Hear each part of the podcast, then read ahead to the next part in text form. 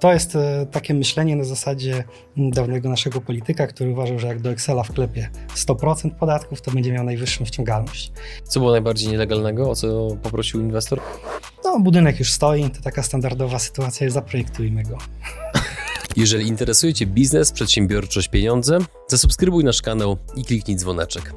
Partnerami przygód przedsiębiorców są Fullbacks, kompleksowa obsługa importu z Chin oraz pomoc na każdym jego etapie. IBCCS Tax, spółki zagraniczne, ochrona majątku, podatki międzynarodowe. YouTube dla biznesu.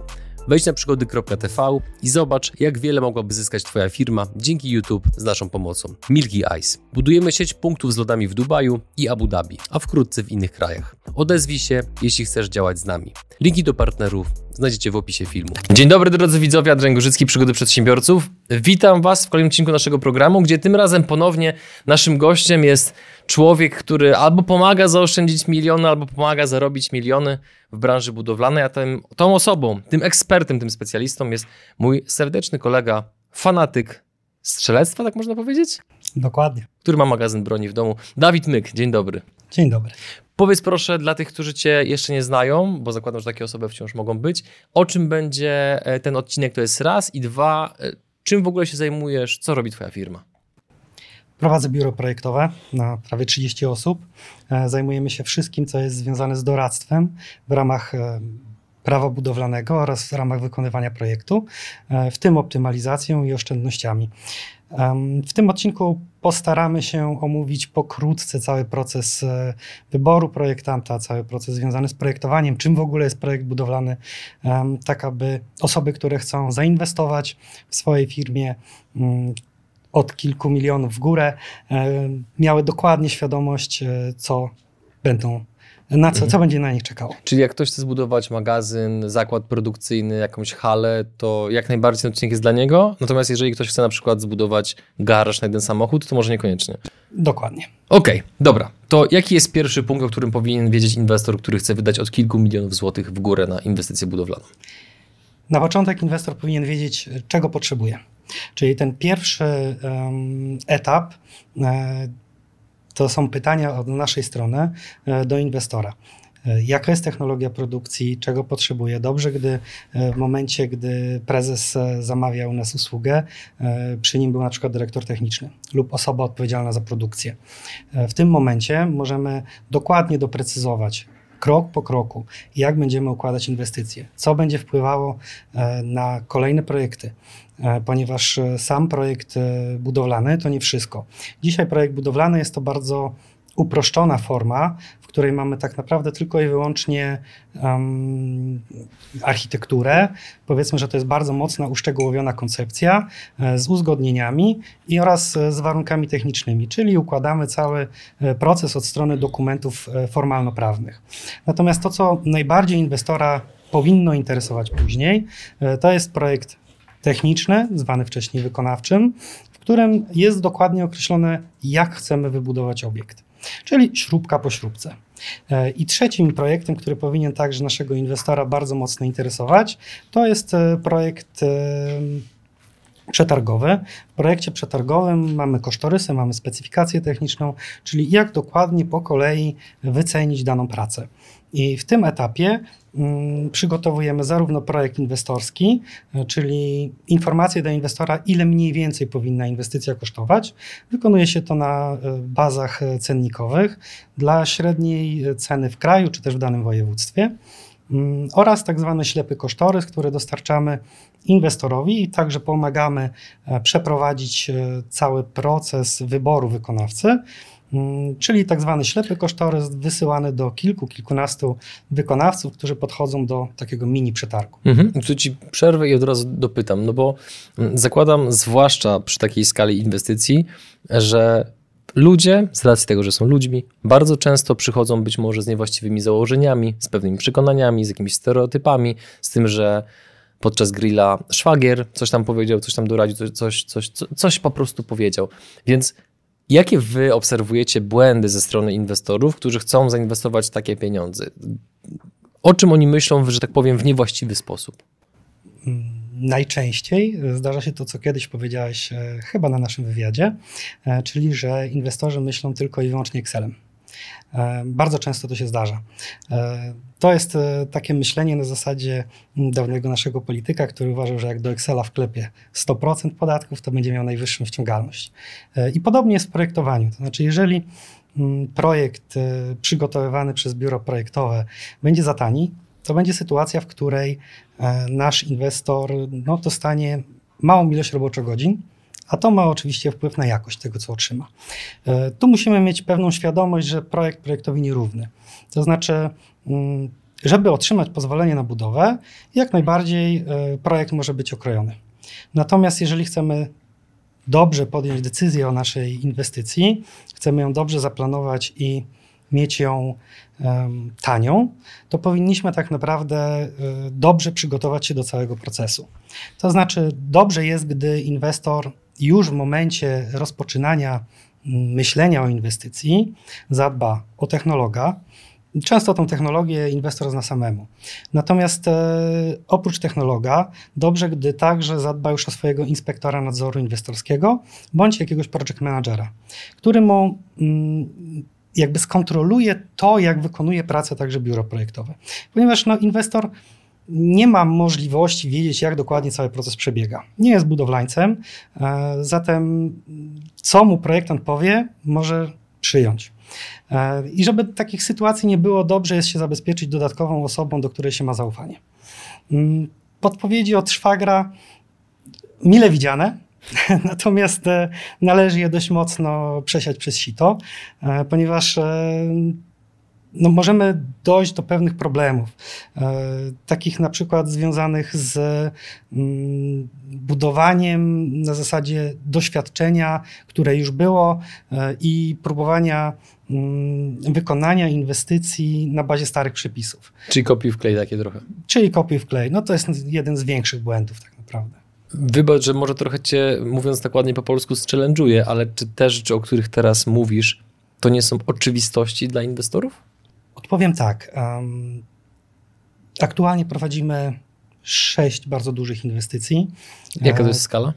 Po 20-30 milionów złotych e, gotowe budynki będą. Tak Czyli jedna inwestycja to jest 20-30 milionów? 20-30 milionów jedna inwestycja, dokładnie. Mhm. Um, I na te pięć inwestycji czy tam sześć aktualnie, e, jeden z inwestorów był perfekcyjnie przygotowany. Pojechałem na spotkanie, w którym inwestor bardzo dobrze wiedział, jakiego projektanta wybiera w zasadzie wyszedłem z założenia, że jadę na spotkanie, porozmawiamy, przygotujemy ofertę i będziemy dopiero rozmawiać o rzeczach e, poważnych i zadam listę pytań.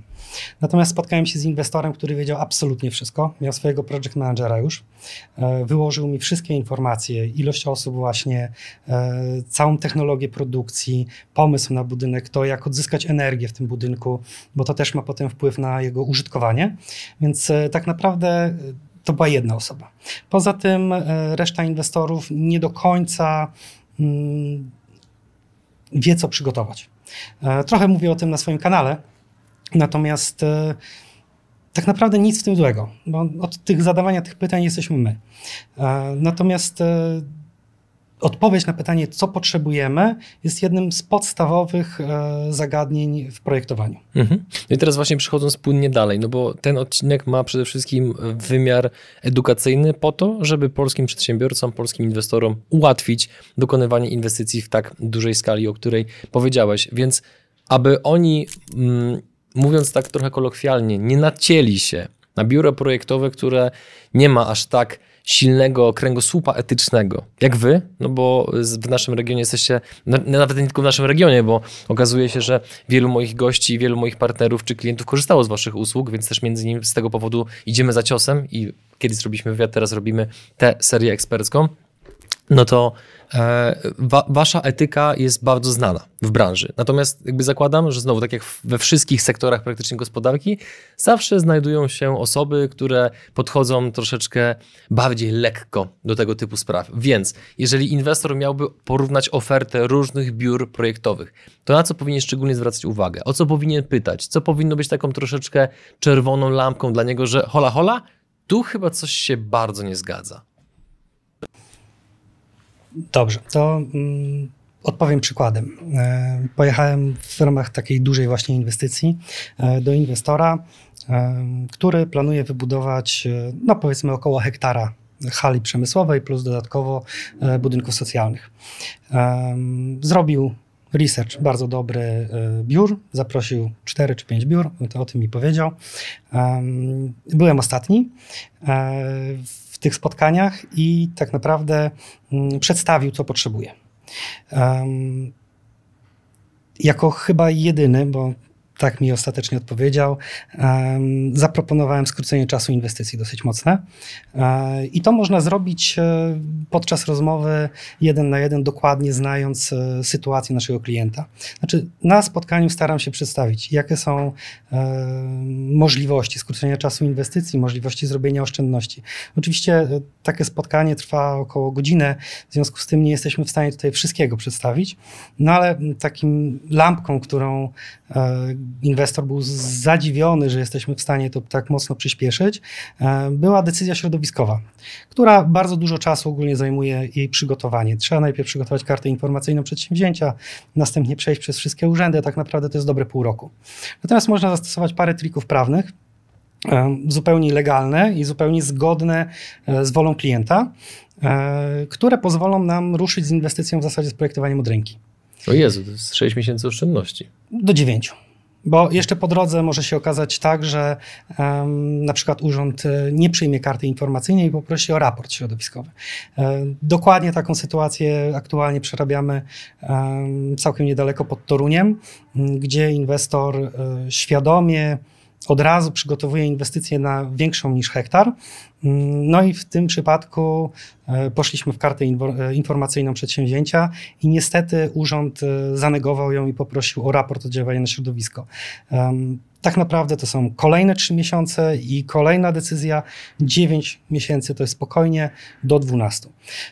To też jest jedna z rzeczy, którą, na którą powinien zwrócić uwagę inwestor, czyli spojrzeć na to, czy projektant mówi mu prawdę. Część rzeczy jesteśmy w stanie wychwycić. Znaczy, jeżeli spotykamy się z jednym, dwoma, trzema biurami e, i trzy biura mówią, że tak, ruszymy od ręki, a jedno mówi, że no hola, ale mamy problemy e, i wypunktuje te problemy, no to w zasadzie wiemy, kogo wybrać. Tak? E, jak jadę na spotkanie z klientem, wiemy już, co chcemy wybudować, przedstawia nam e, cały nasz pomysł. W takim przypadku ja do tego dobieram harmonogram. W zasadzie robimy to bardzo często od ręki. No i tutaj się pojawiają problemy, w których inwestor chciałby budować od razu. Tak to określę. E, I jeżeli nie ma takiej możliwości, no ja temu klientowi to powiem wprost, między oczy. Tak, jak mówiłeś, staram się nie owijać bawełny albo nie doprowadzić do podpisania umowy, a potem mówić, no tak, ale nie wiedzieliśmy. Znaczy, wiele rzeczy wiemy od razu. E, jeżeli planujemy kilka hektarów budynków, no to z automatu wiemy, że będziemy wpadać w decyzję środowiskowej. Trzeba sobie to uczciwie powiedzieć, że tracimy prawie rok. Pytanie, czy klient to przyjmie. Część biur projektowych mówi, nie, nie, zaraz będziemy projektować, zaraz będziemy wykonywać. No i wtedy taki klient popada w e, problem, e, że dowiaduje się za 3-4 miesiące albo gdy inwestycja nie idzie. Więc ten harmonogram. Jeżeli e, klient ma swojego inspektora nadzoru inwestorskiego albo rodzaj projekt managera, to ten projekt manager jest w stanie od ręki określić, czy biuro projektowe, które zostało wybrane, mówi mu prawdę. Jeżeli inwestor tego, takiej osoby nie posiada, no to musi trochę polegać na swojej też tutaj e, intuicji. I tu przerwę, żeby też doprecyzować maksymalnie głęboko. E, po czym inwestor ma wiedzieć, że projekt manager, którego ma, jest dobrym projekt managerem? Mega trudne pytanie. Mm, dziękuję, to jest komplement dla mnie. Niestety musi bazować na wiedzy, którą zbierze od e, innych inwestorów w dużej mierze. Czyli referencje nawet nie referencje pisemne, bo to się często zdarza, nieraz jesteśmy też proszeni o referencje. Natomiast e, jeśli chodzi o e, tutaj szczegółowy przykład jednej z inwestycji, e, no nasz klient po prostu pytał firmy dookoła, z kim się dobrze pracowało i tak wybrał sobie dwa, trzy biura do, um, do wstępnych rozmów. Mhm. I podobnie myślę, należy pracować nad um, inspektorem nadzoru, ewentualnie um, project managerem.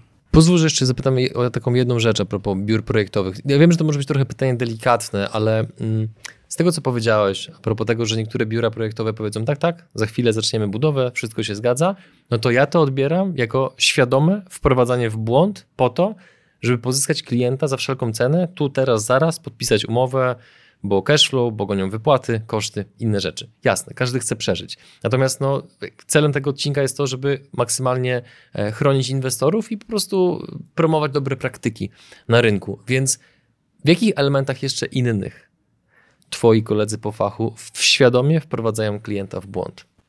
Nie zawsze jest to świadomie. Nieraz po prostu wynika to z niewiedzy. Znaczy, nie każdy ma wystarczająco dużo doświadczenia czy też e, przyjeżdża na spotkanie odpowiednio przygotowany. Mm, jesteśmy dosyć dużym biurem projektowym. E, prowadzimy sporo różnego rodzaju inwestycji, e, dlatego mogę powiedzieć, że przerabiamy tego typu przypadki na co dzień. Tak? Stąd e, ta wiedza od razu gdzieś się e, kumuluje i jesteśmy w stanie działać e, od ręki przy inwestorze. Natomiast nie każde biuro projektowe jest w stanie to, to prowadzić. Tak? Wielkość biura ma bardzo duże znaczenie, uważam. Na to, na co powinien zwrócić uwagę także nasz inwestor, to jest, określiłbym to jako cech dobrego projektu budowlanego czy też wykonawczego. Tutaj musimy tu już się poruszamy w zasadzie e, w ramach wykonywanej usługi. Natomiast e, jeżeli nie mamy osoby do pomocy e, i sami musimy to wykonać, to spójrzmy, czy biuro projektowe zaproponowało nam technologa, czy zadało odpowiednie pytania, czyli budujemy halę magazynową, to też przykład z życia. Klient zaprojektował sobie halę magazynową, nie zwracając w ogóle uwagi na regałowanie. To jest pierwsza rzecz, o którą powinno zapytać biuro projektowe. E, tak naprawdę znaleźliśmy się na tej inwestycji w ramach spełnienia e, funkcji inspektora nadzoru inwestorskiego. No i jednym z pytań pierwszych po otworzeniu projektu było zapytanie inwestora, mm, czy ma już wybraną firmę do tego, żeby ustawić regały. Odpowiedź padła, że nie. Następnie y, zaczęliśmy drążyć temat i okazało się, że sam budynek został tak zaprojektowany, że jest o półtorej metra za szeroki. W zasadzie to półtorej metra jest nikomu do niczego niepotrzebne. A to są e, koszty. To są dodatkowe koszty, to jest dodatkowe ogrzewanie, dodatkowa kubatura. Tego typu budynki powinniśmy zaczynać tak naprawdę od, e, od zaregałowania ich. Czyli pierwsze, co mamy, to jest projekt technologiczny regałów. Dopiero potem mamy budynek dookoła. Tak? E, I ewentualne jego mm, sposoby ułożenia, tak bym to ładnie nazwał. Czy będziemy mieli słupy jakieś w środku? Jeżeli tak, to czy one, one pasują między regałami, czy to nie przeszkadza? E, także to są bardzo ważne informacje, bo możemy w taki sposób w stosunku do metrów kwadratowych stracić bardzo dużo miejsc paletowych. Jeszcze gorzej by było, gdyby się okazał budynek za mały e, i ilość palet by w ogóle nie wchodziła. Więc e, wysokość budynku się w ten sposób dobiera. Więc te pytania tak naprawdę o technologię powinny płynąć e, z biura projektowego i sypać się jak z rękawa. Kolejna historia jako dobra przestroga, jak kupujemy projekt e, w ramach cech dobrego projektu, to co mamy w projekcie. Ponieważ e, możemy wykonać projekt budynku. Mm, jeżeli nawet w ramach projektu mam pewne elementy wyłączone, to mówię o nich oficjalnie i dobrze, gdy klient o tym wie, ponieważ e, klient, nie znając się na tym, powie, że chce budynek.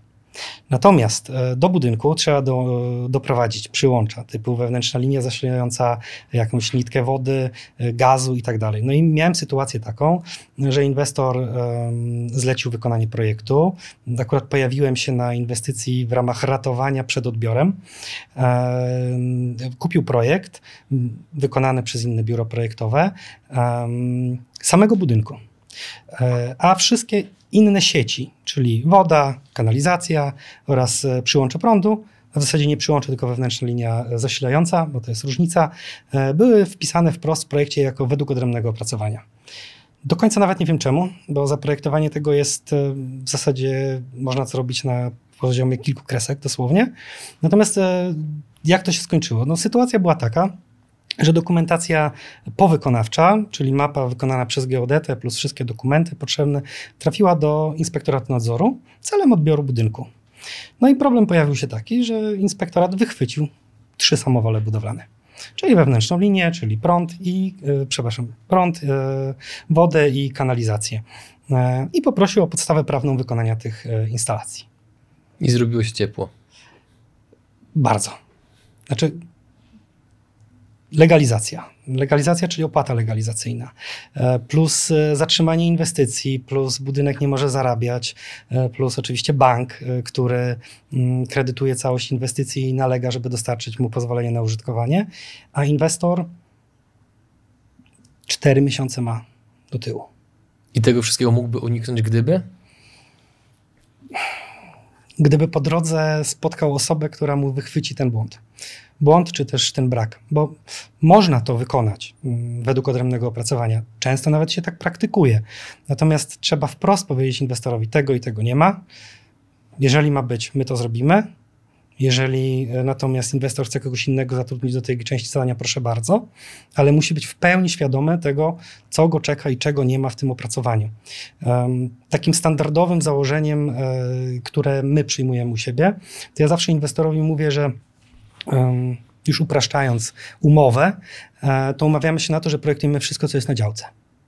Czyli jeżeli będzie jakieś utwardzenie terenu, to robimy, tak? Jeżeli będzie wewnętrzna linia zasilająca, to robimy. Natomiast e, jako, że mm, często ten styk innych instalacji, czy też zjazdu z drogi, nie zależy od nas, nie do końca wiemy, co nas będzie czekało, e, wykonujemy to albo według odrębnych opracowań, Czyli na zasadzie robimy projekt, zbieramy informacje, gdy mamy te wszystkie informacje, dowiadujemy się na przykład, że zjazd z drogi e, krajowej w tym przypadku e, może być tylko za pomocą prawoskrętu.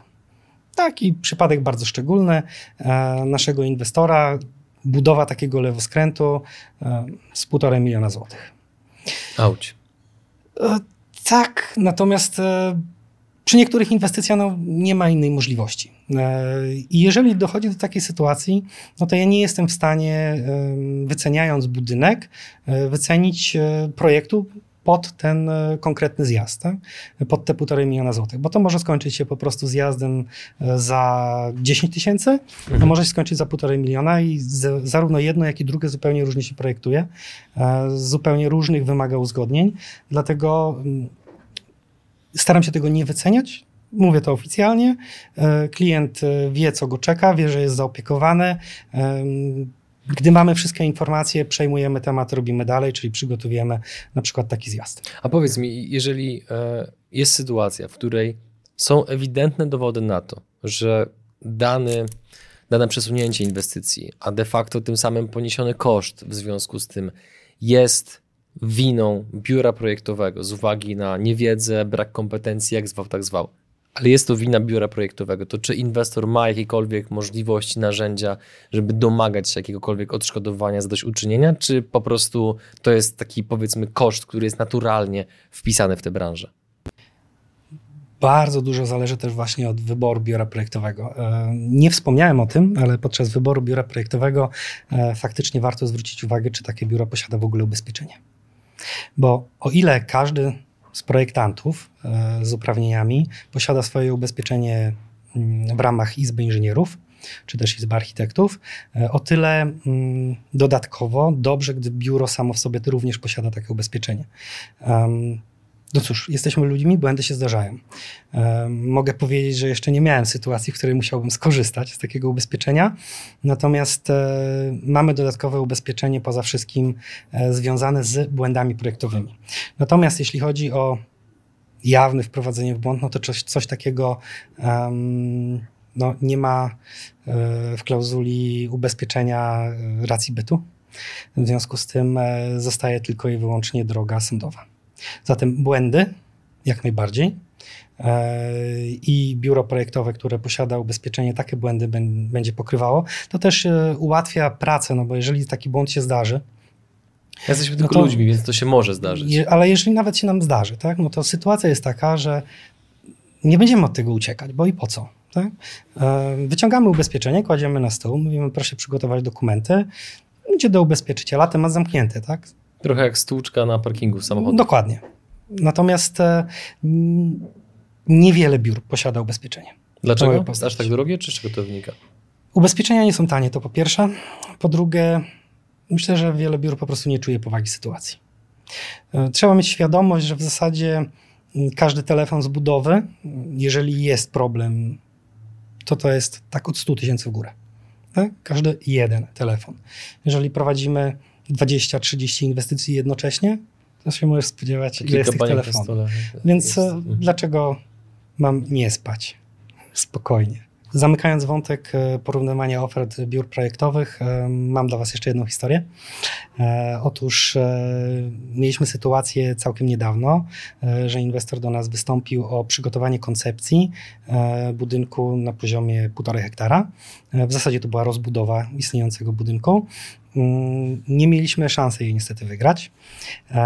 I dwa czy trzy miesiące później inwestor również nas poprosił o wykonanie projektu E, który był na styku tej hali, która miała być e, mm, wcześniej objęta koncepcją e, oraz nowego budynku. One się bezpośrednio czekaj, stykały. Czekaj, bo stworzyłeś lukę informacji, ale to muszę okay. zapełnić. Dlaczego nie mogliście wygrać?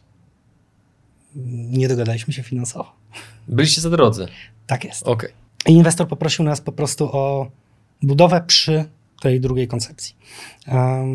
Po sprawdzeniu wszystkich dokumentów i poproszeniu inwestora o informację, czy ta koncepcja będzie realizowana, czy e, są prace nad nią prowadzone. Okazało się, że jak najbardziej.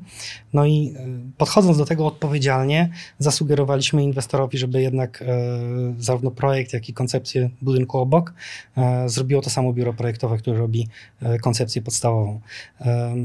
Wynika to z wielu czynników, ale no, tak, z jednej strony moglibyśmy przyjąć projekt, zacząć go wykonywać, zadać listę pytań i prawdopodobnie byłoby bardzo trudno uzyskać jakiekolwiek odpowiedzi, przestać się przejmować, zaprojektować budynek, sprzedać temat i zapomnieć. A wy tak nie podchodzicie? No my tak nie podchodzimy. E, wyszliśmy z założenia, że to jest zupełnie bez sensu, ponieważ jeden budynek na drugi ma wpływ. E, ponadto, jeżeli będzie projektowany ten budynek łącznie, to można zastosować e, różne triki, żeby ten budynek łącznie był tańszy. To znaczy, jedne słupy, jedne fundamenty, pomijamy wszelkie kolizje tak naprawdę. No i taka sugestia od nas padła dla inwestora i inwestor przyznał nam rację. Tak? Czyli dobrze jest, gdy biuro projektowe jest w stanie powiedzieć prawdę, nawet gdy no, teoretycznie nie podejdzie do tematu. To mhm. też buduje pewne zaufanie do e, klienta um, i jestem przekonany, że kiedyś wrócimy i się jeszcze spotkamy. No bo tak, bo to jest taka inwestycja bardzo długoterminowa de facto w tą relację, bo pokazujecie, że bardzo poważnie podchodzicie do tego, co robicie. Ale na chwilę się przy tym zatrzymajmy, zanim pójdziemy do e, kolejnego wątku, a propos, gdzie szukać informacji o wycenie prac projektowych nadzoru na budowie.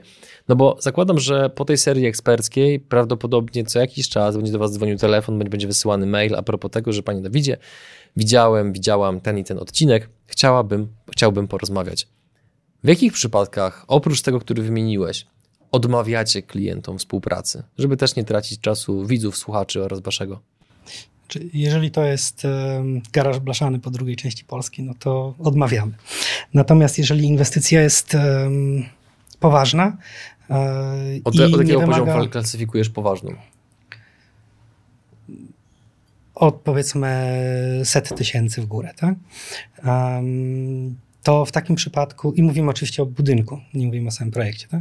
E, to w takim przypadku w zasadzie nie odmawiam klientom, chyba że oczekują ode mnie e, wykonania czegoś nielegalnego lub e, niezgodnego ze sztuką, co też nieraz się zdarza, chociaż mogę powiedzieć, że to była taka bardziej specyfika lat, gdy ja zaczynałem, czyli około 2007-2008 roku.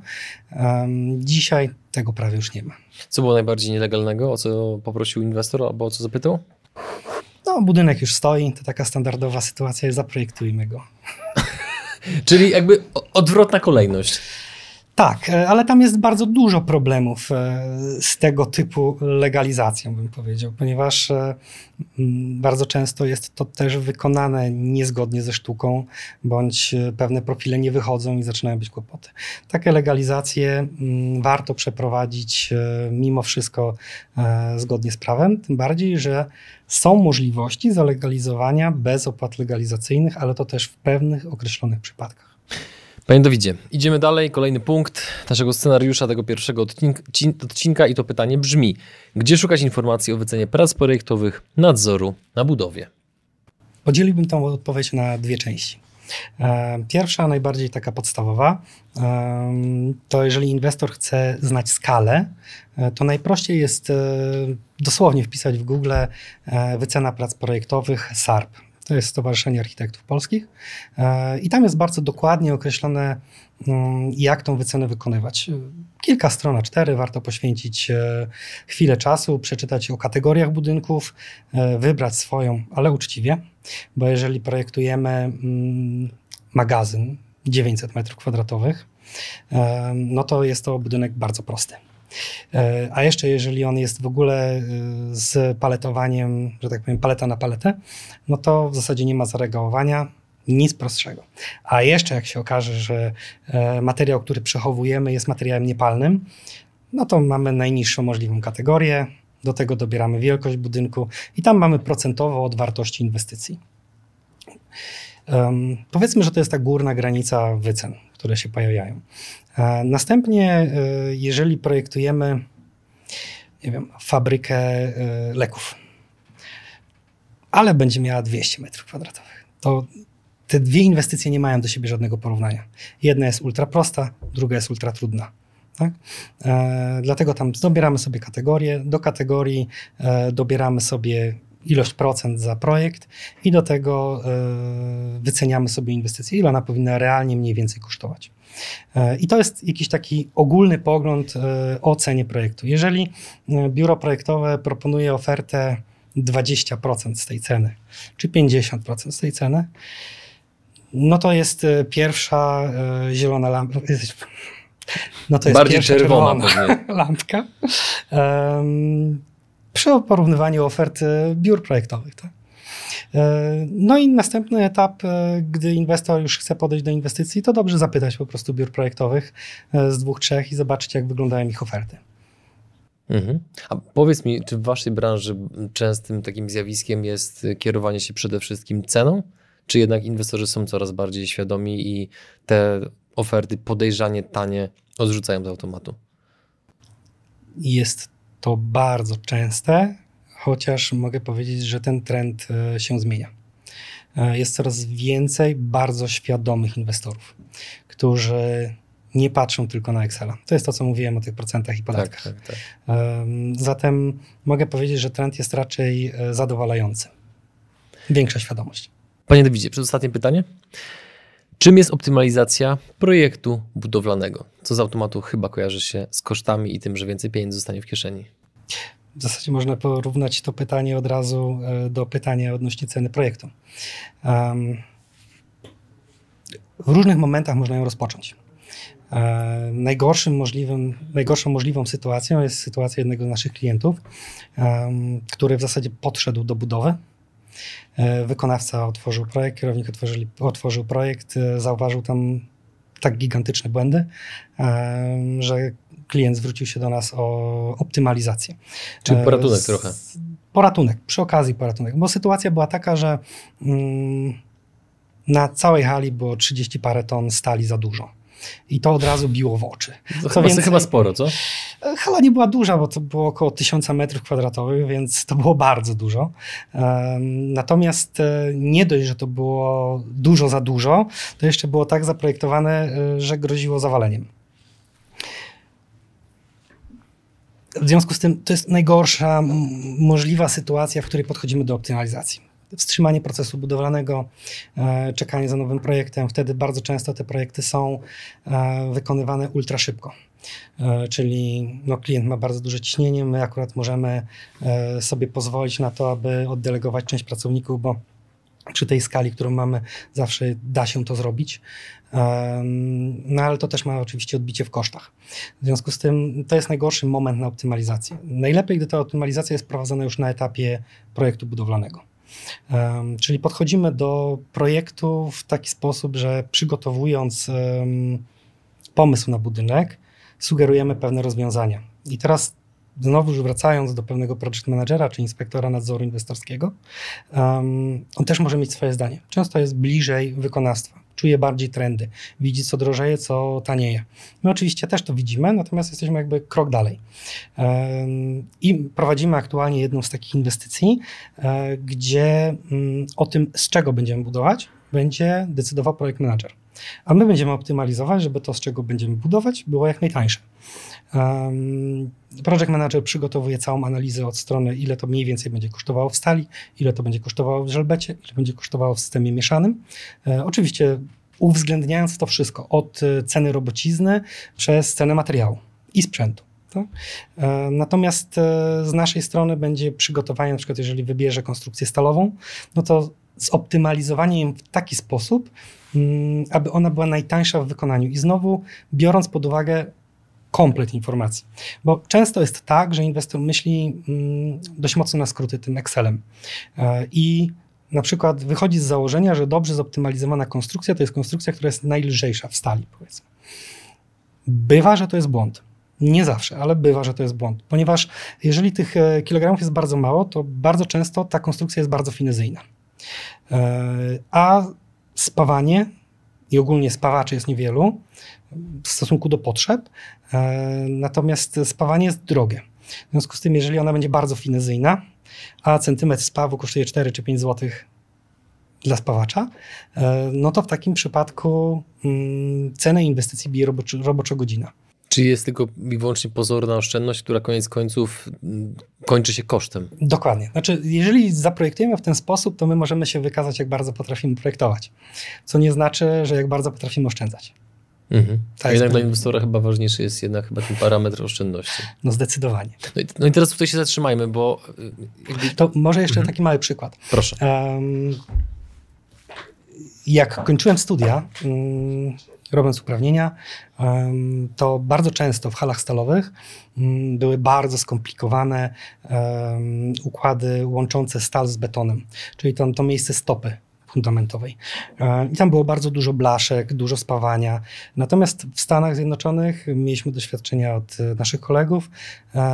Wykonywano to w taki sposób. 5 cm blacha, dwuteownik, spawamy dookoła, koniec. No.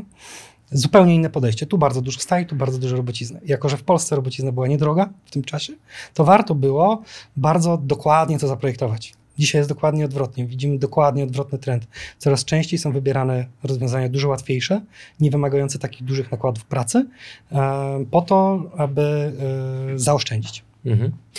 Powiedz mi, bo e, ja generalnie znamy się już trochę prywatnie, nieraz o tym rozmawialiśmy. Ja bardzo nie lubię dowolnej strategii biznesowej, grania ceną, udzielania rabatów, tego typu rzeczy, bo uważam, że koniec końców to się po prostu negatywnie przekłada na jakość. I teraz do wszystkich tych inwestorów, którzy zderzą się z wami, niektórzy stwierdzą, jesteście totalnie za drodzy, to jakby zaadresujmy, proszę, te wątpliwości z ich strony w ten sposób, że gdybyś mógł mniej więcej podać jakie oszczędności byliście w stanie wygenerować na różnych projektach, które na przykład przejmowaliście. No bo często się okazuje, że ok, może jesteście 50% drożsi niż wasz konkurent, ale na inwestycji potraficie urwać kwotę, która jest na przykład dziesięciokrotnością waszego wynagrodzenia. Dobrze. To wrócę do historii, którą opowiadałem na wywiadzie. Mhm. E, pamiętasz e, milion w cztery minuty. E, I skończyliśmy tą rozmowę takim uśmiechem jak wyglądała relacja z klientem, czyli czy klient był zaskoczony. Też klient był zaskoczony. Natomiast e, cała sytuacja wyglądała tak, e, że klient będę operował kwotami, które powiedzmy, że są wzięte z kosmosu. Chodzi o proporcje pewnie. Dokładnie. Klient zapłacił za projekt powiedzmy 300 tysięcy. O, w zasadzie mogę wrócić do przykładu, który sam przerabiałem kilka lat temu. Um, przygotowaliśmy um, ofertę na wycenę bardzo dużego obiektu.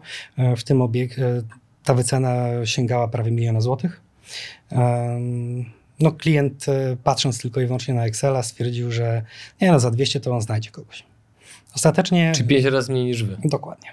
Ostatecznie wziął firmę, E, która zaproponowała mu 400 tysięcy. E, podeszli do projektu, zrobili projekt, rozpoczyna się budowa. Jakimś przypadkiem się tam znaleźliśmy i kolega otwiera projekt. I mówi, dobrze, to mamy milion. Mówię, znajdę dwa. I położył ofertę. 25% od wartości znalezionego materiału. O Boże to już było po negocjacjach. Bo pierwsza oferta była taka na poziomie 30%. Poprawianie po jakimś projektu jest bardzo trudne. Po pierwsze, musimy się poruszać w ramach prawa budowlanego, czyli nie możemy zmienić tak zwanej geometrii zewnętrznej, czy tam w procentach możemy ją tylko zmienić. Są pewne styki nienaruszalne, żeby nie wchodzić znowu w cały proces przez urzędy.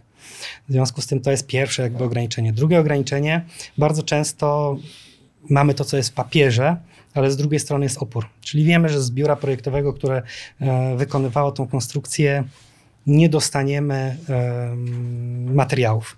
No i teraz wróćmy do ceny. Klient zapłacił 400 tysięcy w stosunku do tam miliona, tak? Ostatecznie e, pewnie byśmy negocjowali bardzo chętnie. E, natomiast e, powiedzmy, że zaoszczędził 600 tysięcy. No to sobie wyobraź, że teraz znaleźliśmy mu tych oszczędności na poziomie 3 milionów. I od tego zapłacił nam za pracę. Przy czym oczywiście znowuż liczymy wszystko. Nie tylko materiał, ale robociznę, sprzęt, kosztorysowo. Tak? Czyli zaoszczędził kupę kasy. Czyli zaoszczędził kupę kasy, ale za projekt mocno przepłacił. Bo mhm. można było to zrobić, pewnie byśmy spotkali się na negocjacjach na poziomie około 900 tysięcy, mm, a tak wydał no znacznie więcej. Tak? Mhm. Plus czas, plus problemy na budowie, plus y, cała przepychanka z tym związana, bo niestety, ale e, gdy wchodzi inwestycja za e, dziesiątki milionów, e, no to pojawiają się nerwy. No i właśnie a propos nerwów. Po co komu to? No właśnie, teraz a propos nerwów i stresu, ostatnie pytanie w tym odcinku. Jak ograniczyć swój stres związany z inwestycją? Zacznijmy od tego, że mm, powinniśmy się do niej w miarę dobrze przygotować. E, czyli najpierw dowiedzieć się, czego potrzebujemy w miarę dokładnie, tak jak potrafimy to sami zrobić. Następnie y, wybrać dobre biuro projektowe, które nas poprowadzi przez całą inwestycję. Dosłownie zebrać referencje od znajomych. Przedsiębiorcy, tak jak ja, ty, spotykamy się często, e, rozmawiamy między sobą, więc jeżeli ktoś prowadził inwestycje, no to warto byłoby się go podpytać, czy był zadowolony, jak wyglądała współpraca. Nie tylko na etapie samego projektowania, bo mm, wspomniałeś na początku, że mamy te referencje dobre, ponieważ ja bardzo dbam o to, żeby klient był również obsłużony po sprzedaży projektu. E, no mogę przytoczyć taką niemiłą sytuację, gdzie zgłosił się do nas klient um, z projektem wykonywanym przez inne biuro projektowe. Um, z bardzo dużym błędem projektowym, bym to tak nazwał. E, w zasadzie można powiedzieć, że biuro projektowe poprowadziło klienta w stronę samowoli wręcz. E, zaraz opowiem jak. W każdym razie zgłosił się do nas ten klient i mm, po pierwsze zapytałem, no dlaczego do nas I, i w ogóle skoro jest prowadzona inwestycja, mamy projekt um, na budowie, już jesteśmy prawie pod dachem, no to może jednak porozmawiać z poprzednim projektantem. No poprzedni projektant po prostu powiedział, że nie będzie z nimi rozmawiał. Bo? Bo nie. E, nie wiem, co, nie wiem, co znaczy ten cytat, ale mhm. podobno zimny kotlet jeść nie daje. to jest cytat klienta, do, taką dostał odpowiedź. Zatem e, bardzo ważne jest, żeby ta obsługa e, była także na etapie e, wykonawstwa do samego odbioru tak naprawdę. Przy większych inwestycjach bardzo często jest coś takiego jak nadzór autorski. Czyli my jesteśmy z klientem do samego końca. Jak są pytania na budowie, e, no to staramy się odpowiedzieć. Jeżeli są narady i jesteśmy potrzebni, mamy ten nadzór, to jeździmy na te narady i staramy się często nawet podpowiedzieć, jak te narady powinny wyglądać, bo dobrą praktyką narady budowlane jest e, to, aby przejście po całym budynku, czy tam po budowie, następnie wyjąć punkty z zeszłego spotkania, które mają 6-7 punktów. Każdy mówi, co zrobił, czego nie zrobił. E, napisać notatkę na następne spotkanie i w zasadzie po dwóch godzinach mamy temat zamknięty. E, taki przykład z życia. E, jeden z klientów buduje serię bloków mieszkalnych. Mm, jakieś 400-500 mieszkań. No i na początku nie mieliśmy w ogóle nadzoru autorskiego. Na początku inwestor prowadził te narady po 8-9 godzin i wychodzili z niczym. I w zasadzie poprosił mnie o to, żebym podjechał na jedną taką naradę i pomógł im to ułożyć. No i na dzień, na dzień dzisiejszy te narady trwają półtorej godziny maks. Wszyscy się spotykają, wszystko wiedzą, po kolei odhaczają kolejne punkty i w zasadzie kończy się spotkanie. E, ponieważ dążę do tego, że mm, nie projektuje się na budowie, bo bardzo często na tych naradach ktoś próbuje coś wymyśleć na miejscu. To nie ma sensu. Spisujemy problem, wysyłamy do biura, e, ewentualnie jakaś krótka dyskusja mailowa, czy nawet na żywo telefon e, i zamykamy temat nie projektujemy na budowie, nie projektujemy przez telefon. To też jest pewna cecha inwestorów. Próbują przekazać swoją wizję przez telefon. Tego się nie da zrobić. E, oczywiście możemy sobie za pierwszym razem porozmawiać, co chcemy zaprojektować, jak się przygotować do spotkania i tak dalej. Natomiast e, jeżeli już chcemy rozmawiać o wysokościach, o jakichś e, problemach na budowie, no to nie przez telefon, bo to się nie da. Najprościej jest wziąć rysunek, napisać, co tam mi nie pasuje albo co bym chciał inaczej. Skan, zdjęcie, mail albo spotkanie na żywo. Tak? Dobrze, dotarliśmy do końca tego odcinka. To jest pierwszy odcinek z trzech serii eksperckiej, którą nagrywać dzisiaj będziemy z Dawidem. E, I tytułem końca powiedz, w jaki sposób ludzie się mogą z Wami skontaktować, czy może jest jakaś opcja bezpłatnej konsultacji, żeby porozmawiać wstępnie i tak dalej, i tak dalej. Mm, dla inwestora taka informacja najważniejsza, e, każde tak zwane pierwsze spotkanie e, jest oczywiście darmowe. Zarówno konsultacja, jak i podejście do ofertowania. Natomiast najprostszy kontakt to jest kontakt mailowy na mykkonstrukcje.gmail.com, ewentualnie telefoniczny, gdzie wybieramy numer 792 555 930 następnie wewnętrzny 1.0 i zostawiamy informację z prośbą o kontakt w sekretariacie. Mhm. Okej, okay.